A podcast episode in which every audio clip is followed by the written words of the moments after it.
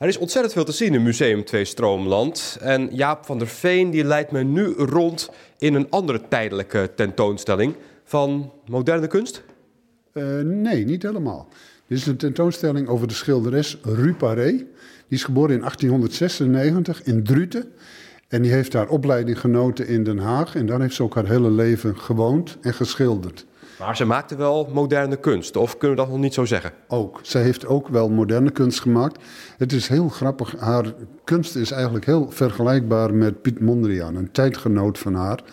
Uh, je ziet verschillende elementen terug en zelfs bepaalde uh, zaken die zij geschilderd heeft. Ze begon onder andere met tekeningen van gezichten. Dat deed Piet Mondriaan ook. Piet Mondriaan had daarnaast een, een bloementijdperk, had zij ook. En daarnaast ging Piet Mondriaan heel abstracte werk. Daar heeft zij ook een poosje gedaan, maar zij ging daarna weer terug mhm. naar de beginperiode. Dus vandaar dat zij niet zo een sterke eigen stijl heeft ontwikkeld als Piet Mondriaan. En misschien daarom is ze ook minder bekend geworden? Ja, dat klopt. Daardoor is zij is eigenlijk alleen maar heel erg bekend in Den Haag en omstreken. En maar ze komt uit Druten. Ze is geboren in Druten. Ja, maar hier heeft ze maar drie jaar gewoond. Mhm. En daarna zijn haar ouders verhuisd naar uh, Den Haag, uh, sorry, naar uh, Nijmegen. En daar heeft ze haar schooltijd gedaan. En na haar schooltijd, toen ze haar schildersopleiding wilde volgen, is ze naar de academie in Den Haag gegaan. Dat is vandaar. Ja, Rupa Gelderse kunstenares dus, van zo'n 100 jaar geleden. We hebben prachtige werken van haar hangen. Kan je er één werk uitlichten waarvan je denkt... dat wil ik graag bespreken op Radio Gelderland? Ja, ik vind dit zelf een van de mooiste. Uh, zij begon haar carrière omstreeks 1920. Ze signeert er nog ook met H.M. Paré, dat zijn haar namen, uh, haar, haar doopnamen. En naderhand pas noemt ze zichzelf Ruparé, dus haar kunstenaarsnaam. En zo signeert ze dan ook. Ze begint uh, door de havenplaatsen in Frankrijk te bezoeken. En het, het valt onmiddellijk op dat zij heel erg getriggerd wordt door de zeilen. Ja, dat zien we ook op dit schilderij. Hè? Het is wel een schilderij of is het meer een tekening? Nee, dit is nog een tekening.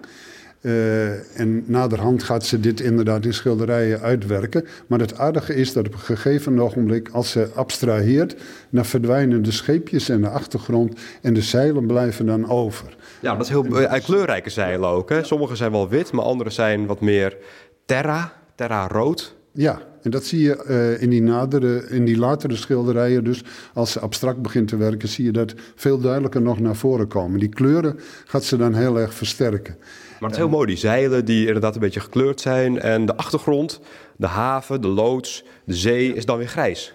Ja, dat zie je ook in, aan deze werken. Dit zijn ook allemaal uh, havenplaatsjes in, uh, in Normandië, waar ze dus naartoe gaat. En voortdurend valt op dat, dat haar aandacht getriggerd wordt door die bootjes met die zeilen, rechtop of gestreken.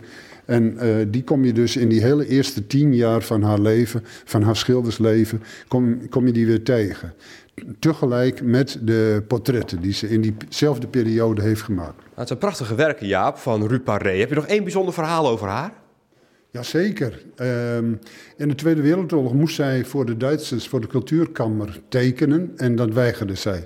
En vanaf dat moment heeft ze niet meer geschilderd, vanaf 1942. En toen kwam ze, rolde ze als het ware in het verzet.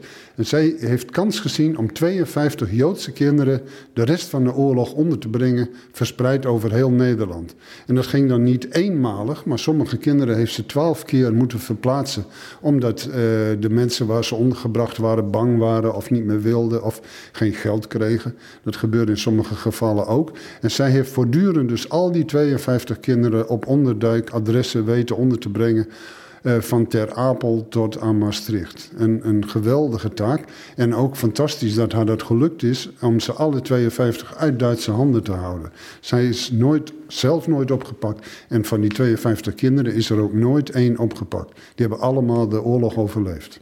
Een prachtig verhaal. Ruparé uit Druten. Niet alleen maar een fantastische kunstenares. We kunnen hier het werk zien in Museum 2 Stroomland. Maar ook een verzetsheldin. Prachtige verhalen. Zometeen na tien uur doen we er nog een paar hier vanuit Beneden Leeuwen.